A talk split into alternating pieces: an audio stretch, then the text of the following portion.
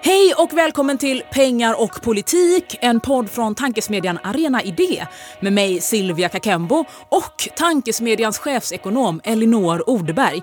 Och den här podden är till för dig som är intresserad av just pengar och politik. Vi kommer liksom gräva oss djupt ner här i det ekonomisk-politiska fältet och försöka hålla dig smart och uppdaterad.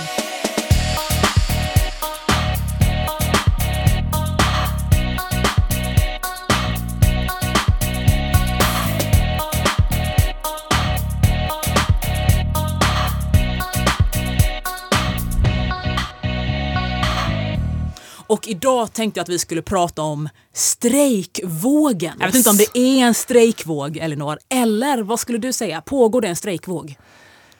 Kanske begynnelse till eh, strejkvåg. Det är ju spännande att se här nu hur eh, IF Metall har tagit upp kampen mot eh, multinationella Tesla eh, med Elon Musk i spetsen eh, och är inne på sin, tror jag, sjätte strejkdag eller någonting i poddande stund. Eh, och eh, vi får väl se nu, det här kan ju vända snabbt när vi började prata om strejktemat så var ju även Klarna på gång att det skulle inledas en strejk idag med, på Klarna med, som är ett svenskt företag. Eh, betal, köp nu, betala sen-konceptet som de jobbar hårt Hållbart, på. Verkligen. Superbra för din hushållsekonomi. Eh, de vek sig ju däremot mot eh, strejkvarslen och insåg väl också att det skulle få ganska stora följdverkningar med sympatiåtgärder. SSR till exempel varslade om sympatiåtgärder med eh, Eh, Unionen och Sveriges Ingenjörer som var de som började med strejkvarslet. Om vi börjar med att debriefa den här Klarna-upplevelsen då. Alltså jag har hört, eller på att säga, läst i medierna att det har för, liksom på något internt personalmöte där så har deras vd sagt så här. Vi kommer aldrig sluta kollektivavtal för det funkar helt enkelt inte med vår, liksom, vårt moderna sätt att bedriva eh, vårt företag. Och sen så kom då det här pressmeddelandet eh, sent i fredag kväll var att alla bara ville ta helg. Man vill liksom inte möta en vecka ja, till precis. med liksom det här eh, strejkhotet. Eller vad, vad, vad, vad, vad ledde till att vi kom till den här punkten tror du?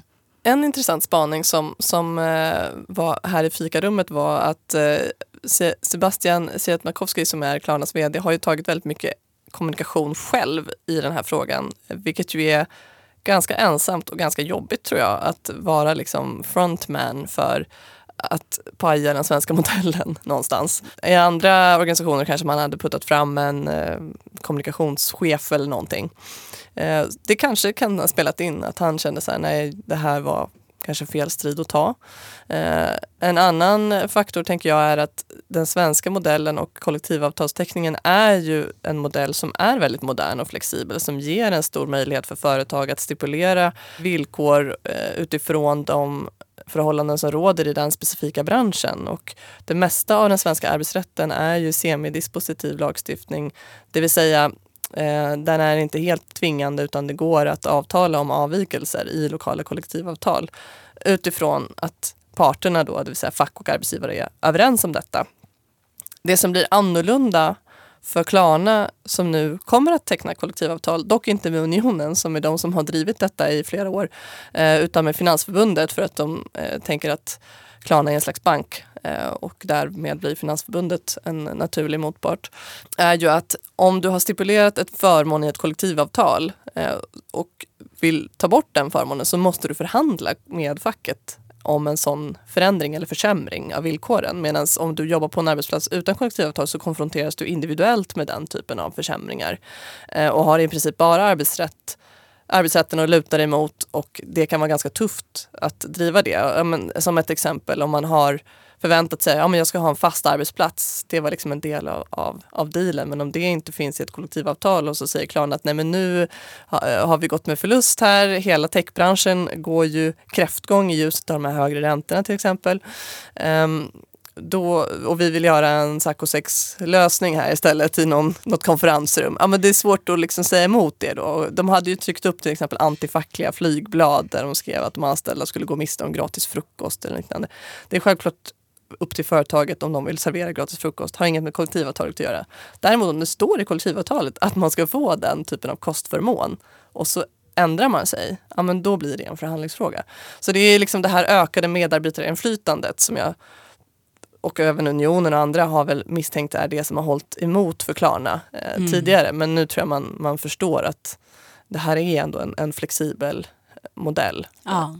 Men om man bryr sig om eh, svensk konkurrenskraft, eh, tillväxt, vårt framtida välstånd. Då tänker jag att man vill att massa nya företag ska dyka upp i Sverige och få liksom möjlighet att eh, växa, frodas, blomstra och sådär.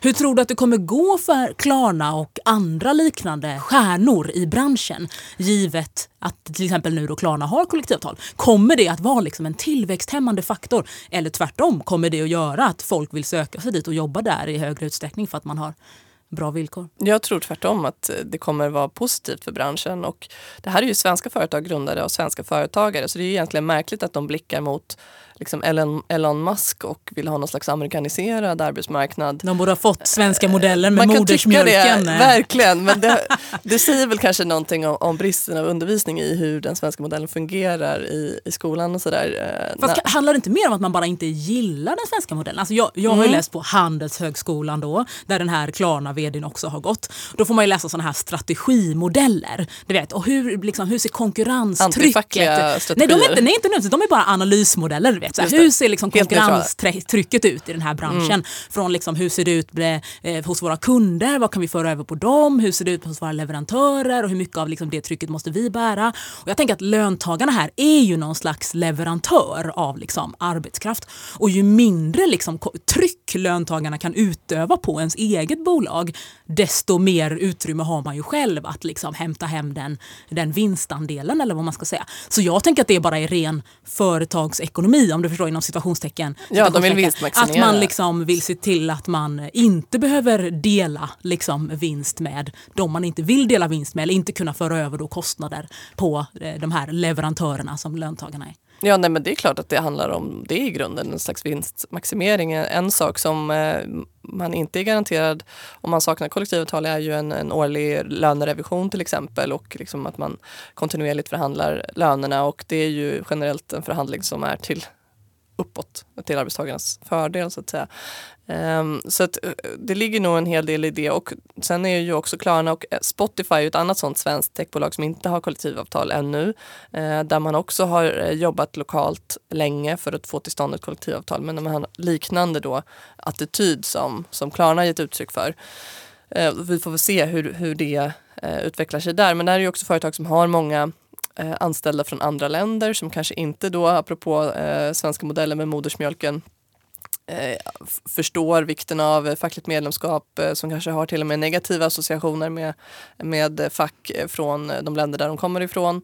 Det kan nog också spela in i att det inte har funnits ett tillräckligt starkt tryck heller på företagen och att man gör det här till en imagefråga, den här flexibiliteten eller uh, om man får använda, om man får vara raljant, liksom saccosex liksom kultur. Alltså det ska vara så här, ja men det ska vara så himla fluid och härligt liksom. Och uh, här behöver vi inte gamla dassiga saker som rättigheter som, uh, för de som jobbar här. Arbetstidsregleringar och sånt där. det var faktiskt lite kul för att jag tog en, en espresso på en lokal kaffebar där jag bor just nu och eh, då kom jag in på kollektivavtal med han som hade det kaféet. Eh, för jag frågade om de hade kollektivavtal nämligen. Och då sa han att de inte hade det för att det var bara han som hade baren. Eh, så han hade inte det med sig själv. Men då började han snacka om när han liksom för 40 år sedan hade jobbat på Coca-Cola Company och att facket då inte hade lyckats motivera för honom varför det var värt att gå med i facket ens en gång.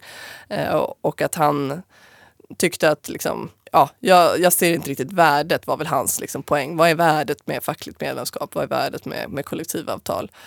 Eh, och eh, en idé om att det här mer gagnar, gagnar de som liksom sitter och slappar på jobbet. Typ. Och det har ju varit en intervju med någon anställd från eh, något av de här techbolagen nu i den här pågående konflikten som också hade liksom, nej jag kommer inte eh, vara med för att eh, det där är bara något som liksom hämmar dem som är duktiga och liksom ger ett golv för dem som in, har blivit bekväma på företaget och att det då går in i den här kulturen av okay, okay. att man är så snabb och, ah. och liksom flexibel och, och så.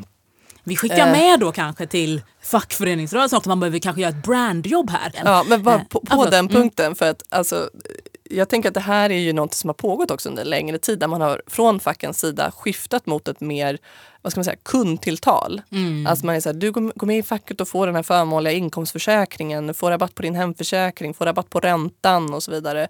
Eh, man har inte pratat lika mycket om liksom värdet av det fackliga löftet. Alltså att eh, om vi tar i hand på att inte acceptera villkor eller löner under den här nivån så kan arbetsgivaren liksom inte sätta emot mm, och måste de mm. tillmötesgå våra krav. Liksom den solidariska eh, principen som ligger till grund för facklig organisering. Det har man ju liksom tonat ner. Så att om du har ett väldigt starkt liksom, individtilltal och att så här, du ska gå med i facket för att tjäna på det individuellt snarare än att man har, försöker sprida en tanke av att kollektivt stärka arbetsplatsen, inte bara sig själv utan också sina kollegor eh, och kanske också känna solidaritet med andra utanför ens egen arbetsplats. Nej, men jag, om jag skulle liksom skifta över här till att prata om IF Metall och, och, och Tesla-strejken. När den gick upp här då för några dagar sedan och man fick liksom en flash i sin mobil. Då kände jag så här, wow, nu kör vi hörni! Nu kör vi. Och var så här, är det här liksom det närmaste klasskamp vi kommer? Om du förstår. Att så här, det här eh, rika amerikanska multinationella företaget som ägs av världens rikaste person säger så här, jag tjänar så jädra mycket pengar och de tänker jag inte dela med er som jobbar i mina verkstäder just i Sverige med risk då för att det här kan sprida sig och bli sätta exempel för eh, fackföreningsrörelsen i andra länder eller arbetsmarknaden i andra länder. Och då kände jag lite så här, oh, spännande! Det är nu det liksom ja. händer eller vad man ska säga. Eh, löntagarna får liksom eh, gå upp mot eller står upp mot den här internationella eh, liksom, storkapitalet. Ja, det är ju inte så vanligt att vi har den här typen av strejker ändå i ja, Sverige. Men eller hur? Vad kände du när, eh, när du fick flashen? Nej, men jag kände nog eh, liknande. Eh, sen var jag inte övertygad om att det skulle gå till strejk ändå utan jag tänkte ändå att eh, om de har Eh, lite kunskap ändå om det land som de verkar i så borde de förstå att det här kan få ganska stora sympatiåtgärder. Man brukar ju dra paralleller och eh, min kollega Sherman Bender har ju eh, skrivit väldigt bra om det här på Dagens Arena och Social Europe och liknande om, om just Tesla-konflikten. Och en, en klassisk parallell som man brukar dra är ju till eh, Toys R Us 1995. Eh, ett annat amerikanskt eh, storföretag. När dagen är över och natten blir lång Jeffrey med vänner igång från golv till tak, böcker och som ville etablera sig, som inte ville teckna kollektivavtal eh, med Handels som var det berörda fackförbundet då. Eh, Handels gick ut i strejk. Eh, det gav också eh, sympatier från andra fackförbund. Eh, Finansförbundet blockade transaktioner, Transportförbundet slutade med leveranser, Kommunal blockade sophanteringen. Ja, men det ballade ju ur. Det funkar ju inte. Om, vi, om vårt arbete ligger ju ändå till grund för de här företagens verksamhet och vinster. Eh, så man fick ju till slut Toys R Us till förhandlingsbordet och tecknade kollektivavtal. Eh, och det här borde ju fungera som ett exempel för, för Tesla nu. att eh, det här de här verkstäderna är inte i ett vakuum. Eh, det finns ändå fortsatt ett, en stark svensk fackföreningsrörelse eh, och arbetsnedläggelse som ju är ett verktyg som man kan ta till i den här typen av situationer skulle få större konsekvenser, negativa ekonomiska konsekvenser för företaget än om de tecknade kollektivavtal. Mm. Är det någon på liksom, Teslas strategiavdelning som inte har gjort sin hemläxa helt enkelt och inte kollat på den här eh, eh Toys R Us-domen eller liksom det, det skeendet som, som var då? Kanske, och eh, kanske går det också in i att de har haft någon slags antifacklig image också mm. eh, som företag och eh, att Elon Musk också har gett uttryck för, det, för den typen av åsikter. Och jag tror man är rädd på, på, på två håll. Det ena är väl då, håller man emot nu, strejken fortsätter, eventuellt att andra eh, länder hoppar på. Alltså, de har haft eh, svårt i Tyskland till exempel med IG Metall där. Och å andra sidan också en rädsla att om man då ger efter inom citationstecken och tecknar kollektivavtal så kommer det också ge inspiration till andra länder. Så jag tror att så här, ur deras perspektiv kanske de tycker att de har hamnat i ett damned if you do, damned if you don't scenario. Men eh, all eh, cred och heder till IF Metall som, som tar den här fighten ändå. För det här det är ju också en ny industri. Jag tänker att apropå då svenska modellens applicerbarhet för framtiden. Om till exempel techbranschen eller ny grön teknik. Om man inte anammar den här förhandlingsmodellen som vi har så innebär ju det att man långsamt liksom eroderar löner och villkor över tid. Eh, så det är ju också en kamp om att se till att de här nya företagen och nya branscher också mm. respekterar eh, arbetstagarnas rättigheter. Varför vill du ha ett kollektivavtal? För oss som strejkar så handlar det inte om förmåner. Utan det handlar om att vi vill ha en säker och trygg anställning där vi vet vad vi har för rättigheter. Och jag tycker, jag vet inte, jag är inte så mycket nationalist i övrigt. Men jag kunde också vara lite så här, ni är från Amerika, vi här i Sverige, vi har jobbat med jämlikhet i så här många liksom, decennier. Kom inte här och försök göra vårt samhälle till så som ert samhälle ser ut. För vi vet hur det ser ut. Vi vill inte ha det för att vi vet att alla vi som är så vanliga löntagare, vi är liksom förlorare i det, i det systemet. Och det är först nu i år i Sverige som vi har varit så här, okej okay, nu ser vi reallönesänkningar. Men de har ju inte haft några reallöneökningar där på vadå, 15 år, 20 år, mm. ännu längre än så. Och man är så här, ja det kanske funkar för er. Så att jag blev nästan lite så här, kom inte hit och tro att ni ska kunna göra som ni gör i ert land. Eh, ja. liksom här Nej, i jag Sverige, håller med. Liksom. Och eh, man har ju också längtat efter ett skäl över att vara så stolt över att vara svensk. det här senaste liksom, året. Jag menar, eh, krypa för Turkiet. Regeringen klarar inte av att liksom fördöma eh, massmord på Gazaremsan eller för den delen eh, sympatier med Hamas. Alltså det, det enda vi har kvar är den svenska modellen. Alltså det är liksom, precis. Så att jag vill ändå tacka då IF Metall för att också gett en lite skäl att få känna sig stolt över att vara svensk.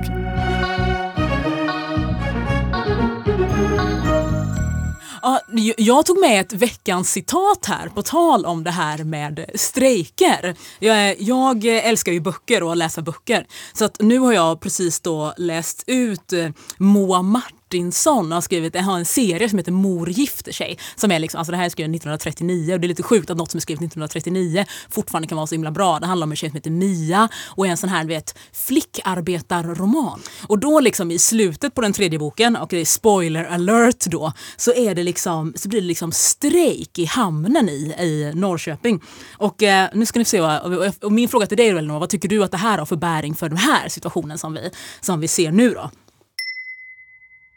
En månad senare var hamnarbetarstrejken i full gång och Lumplena, den här båten där strejkbrytarna bor, låg ute på redden med en samling strejkbrytare från England. En del sa att slöddret hade 10 kronor om dagen, som då var sjukt mycket pengar. Och en del påstod att det var frigivna fångar som fick arbeta för ingenting. Och ingen visste vad som var sant. En underlig samling var det. Här är massa fula ord, n-ordet, bla bla. Engelsmän, kineser och japaner. Hela stan blev liksom lamslagen. Och något så fräckt hade man inte trott om arbetsgivarna. Och eh, det som händer då är att de blir jätteosams så här. Polisen höll öppet med strejkbrytarna och fint folk sände ut mat till strejkbrytarna på Lumplena. Det var som om en het ökenvind av hat dragit genom den annars fredliga staden. Och så avbryt, eh, det så här då. Ja, lossningsarbetet blev det inte så mycket bevänt med. Arbetsgivarna ville bara visa sin internationella makt. Man hjälpte varandra internationellt på arbetsgivarhåll. Vad säger det här om Elon Musk tror du? Eller vad säger det om eh, liksom, strejken i, idag?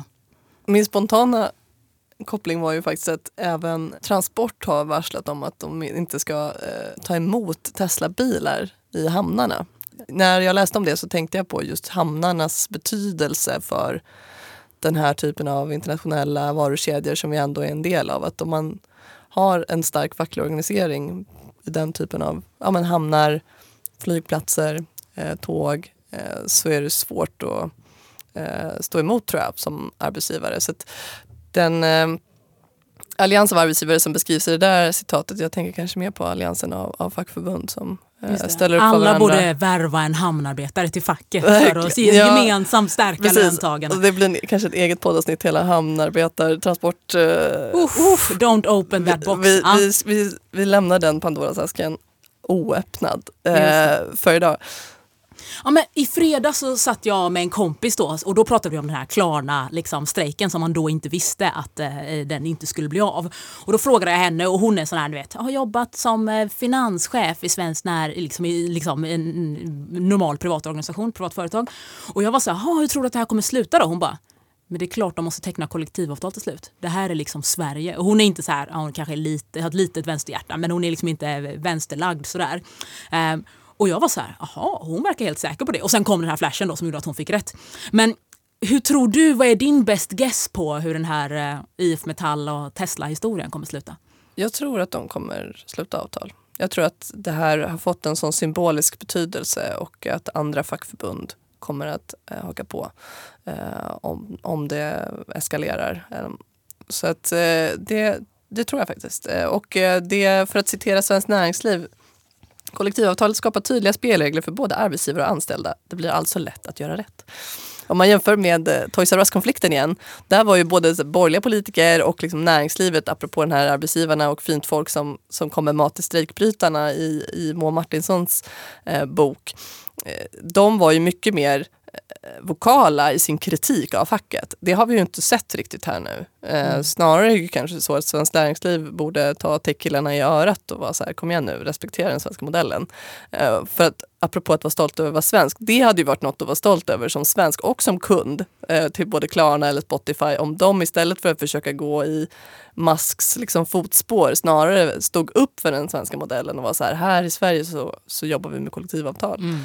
Var att de kände liksom vindarna från de här eh, anti-löntagarfondstrejkerna, typ, eller demonstrationerna tio år tidigare. Där liksom eh, eh moderater och deras sympatisörer höll på att säga, gick man ur huset för att eh, 95 menar du? Ja men precis, att man fortfarande kände då att så här, oh, det kanske finns en eh, öppning här för att minska fackets makt. Mm. Medan man idag kanske är mycket längre ifrån det och som sagt har en ganska så här, det har visat sig att den svenska modellen ändå över tid är ganska konkurrenskraftig och dessutom har gjort liksom att samhället är mer stabilt, mer liksom eh, mm. förutsägbart både för löntagare och för eh, företagsägare. Du får bjuda in någon, eh, någon antifacklig, det här märks att det är en, en facklig tankesmedja producerarna på Oh, no. Men jag tänkte ändå, alltså apropå eh, oviljan här hos, hos eh, techgiganterna, alltså det hänger ju lite ihop med det allmänna stämningsläget i ekonomin också. Um, om man tar Tesla som exempel så har ju nybilsförsäljningen generellt um, gått ner i just de här högre räntorna. Um, man köper mer begagnade bilar istället. Uh, elbilsförsäljningen har ju också um, stannat av i, i Sverige, inte minst sen man tog bort eh, i förr förra budgeten eh, tog bort bonusen för elbilar till exempel. Fick Den ganska... tvärdog väl över en Ja, natt, det var liksom. verkligen ja. väldigt så. så det var liksom en dubbeleffekt både då att högre räntor och inflation pressar upp kostnaderna för produ produktionen eh, och eh, för eh, de, den här typen av avbetalningslån som man brukar ha för att köpa en ny bil. Det är ju få som har 600-700 000 vad det kostar att köpa en Tesla. Och att stödet avskaffades eh, samtidigt, den här bonusen för att köpa elbil. Så att de här ränta, inflation och eh, avskaffad bonus förstärkte ju verkligen eh, varandra. Ehm, och om jag ska ta då dagens eller veckans eh, siffra så är vi ju då eh, på ungefär 33 procent i, av bilarna eh, som, för, som säljs som är elbilar i Sverige. Ah, så en tredjedel. Nybilsförsäljningen. Ja, precis. Ja. En, en tredjedel är elbilar. Så det är fortfarande, det, och vilket är apropå varför det är relevant ändå för Tesla att, att titta på vad som händer i Sverige. För vi är ju en, en eh, ekonomi där man har anammat elbil. Om man jämför med USA så är det ungefär 5,6 procent eller sånt där av nybilsförsäljningen som är elbilar. De älskar sin bensin, de, sådana fossila bränslen. Verkligen. Ja. Eh, och här har vi ju anammat elbilstrenden på ett helt annat sätt, även om det då har kylts ner på senare tid. Mm. Eh, och av elbilsförsäljningen så är ändå Tesla den största aktören på den marknaden. Eh, men man har eh, haft det lite svårt då, precis som många andra eh, nybilstillverkare. Och nu har man ju till exempel eh, valt att sänka, sänka sina priser för att försvara liksom sina marknadsandelar då till viss del på bekostnad av, av vinstmarginaler. Så man har liksom gått från att vara, om man tar 2020 som någon slags gigant och liksom framtidshopp Eh, för branschen och det var jättemycket pengar som investerades i Tesla till att nu mer ses som en biltillverkare bland andra och marginalerna för Tesla är ganska likt också andra biltillverkare. Eh, så att eh, det ses inte längre som det här tech-undret utan mm. mer som en liksom, traditionell biltillverkare och det har kommit upp mera ja, konkurrenter från Kina, Volkswagen och andra som, som också tillverkar elbilar nu. Mm. Jag tänker att det också alltid finns en risk med att strejka. Som är, när man ser typ strejker i offentlig sektor, så här, vet, busschaufförerna strejkar, då kan ju folk vara så här, okej okay, vi liksom eh, eh, står på busschaufförernas sida. Men till slut är man också så här, men hörni, jag måste också bara komma fram till jobbet. Liksom. Eh, hur tror du att det kommer utveckla sig i den här strejken? Kommer vi få se massa av de här som nu har köpt en ny Tesla för 700 000 kronor gå liksom eh, person ur huset för att protestera eh, för att man liksom inte kan få sin Tesla servad och reparerad. Det kommer stå liksom drivor med Teslor i välbärgade ja. villakvarter där människor inte längre kan komma till, till jobbet för att motorn har slutat ja, liksom, alltså hur, hur, Vad innebär kundsegmentet för den här konflikten? Eh, det skulle ju kunna innebära att eh, ja, dels att det finns ganska många inom det här kundsegmentet som säkert är ganska röststarka personer eftersom att man ju då är ganska välbärgad och man kan köpa sig en Tesla fortfarande.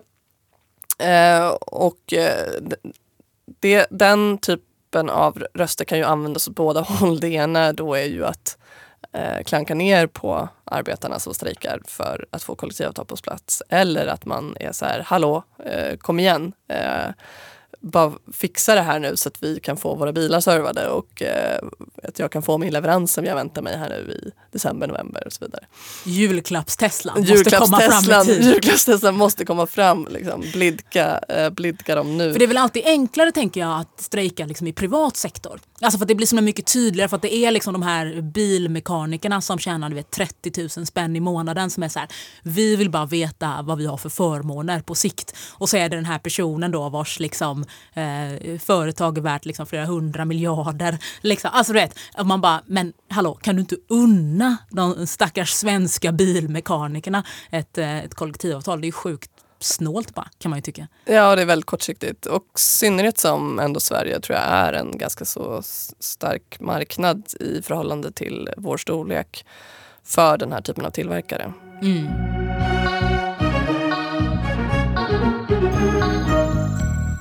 Ja, vet du något mer om de liksom internationella vad ska man säga, konvulsionerna som det här skulle kunna ge? Det vore ju jättespännande ifall, på tal om internationella arbetsgivare som eh, eh, går ihop internationellt, om det här liksom är eh, eh en ny, eh, vad ska man säga, arbetare för en edervåg. Liksom, eh, för att tala med gammalt sån marxistspråk. Ja, nej men eh, vi, jag tänker att oavs om, om det fortsätter så kanske fler hakar på och Eh, om ehm, man får till stånd ett kollektivavtal så kan det utgöra en inspiration för, för andra länder. Och jag tänker också att apropå de här internationella kedjorna så ehm, en bil som en elbil tillverkas ju i, i många led så att säga. Så att, eh, det kan ju uppstå problem på många, på många håll. Det räcker liksom att någon kritisk del av den här produktionen havererar så blir det ingen Tesla tillverkad.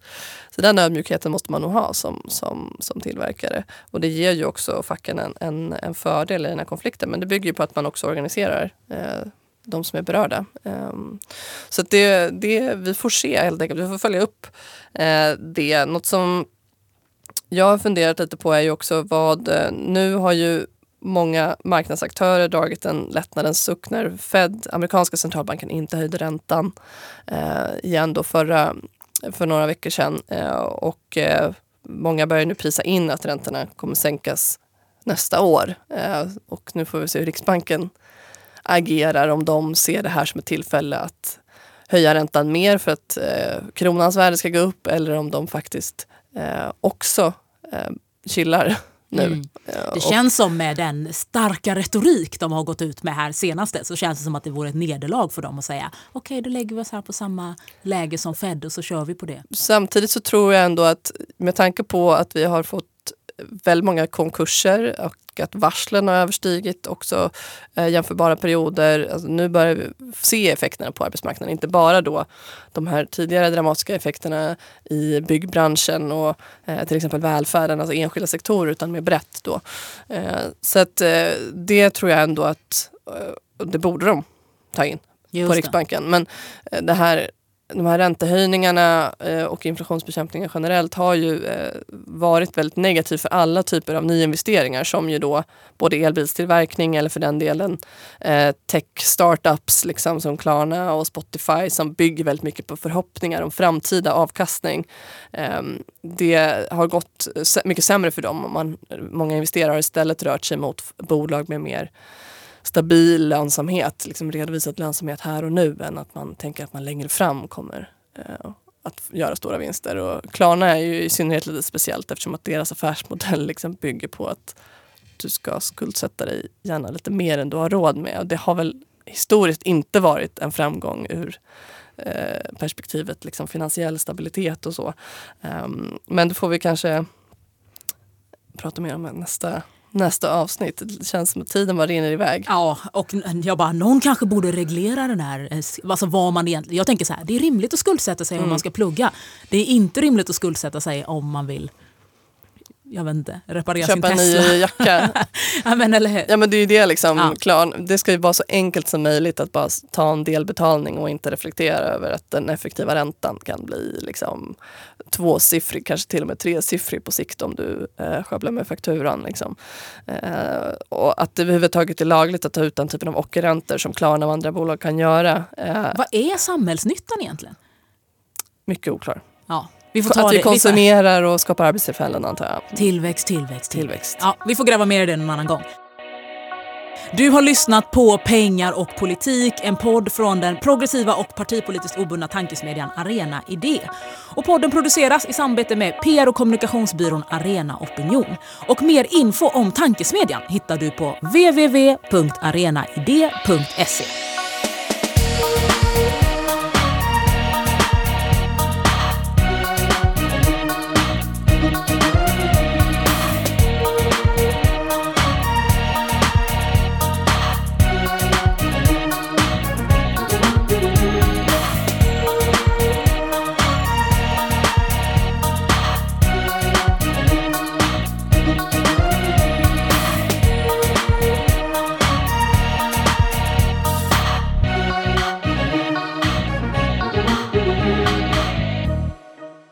har lyssnat på Pengar och politik.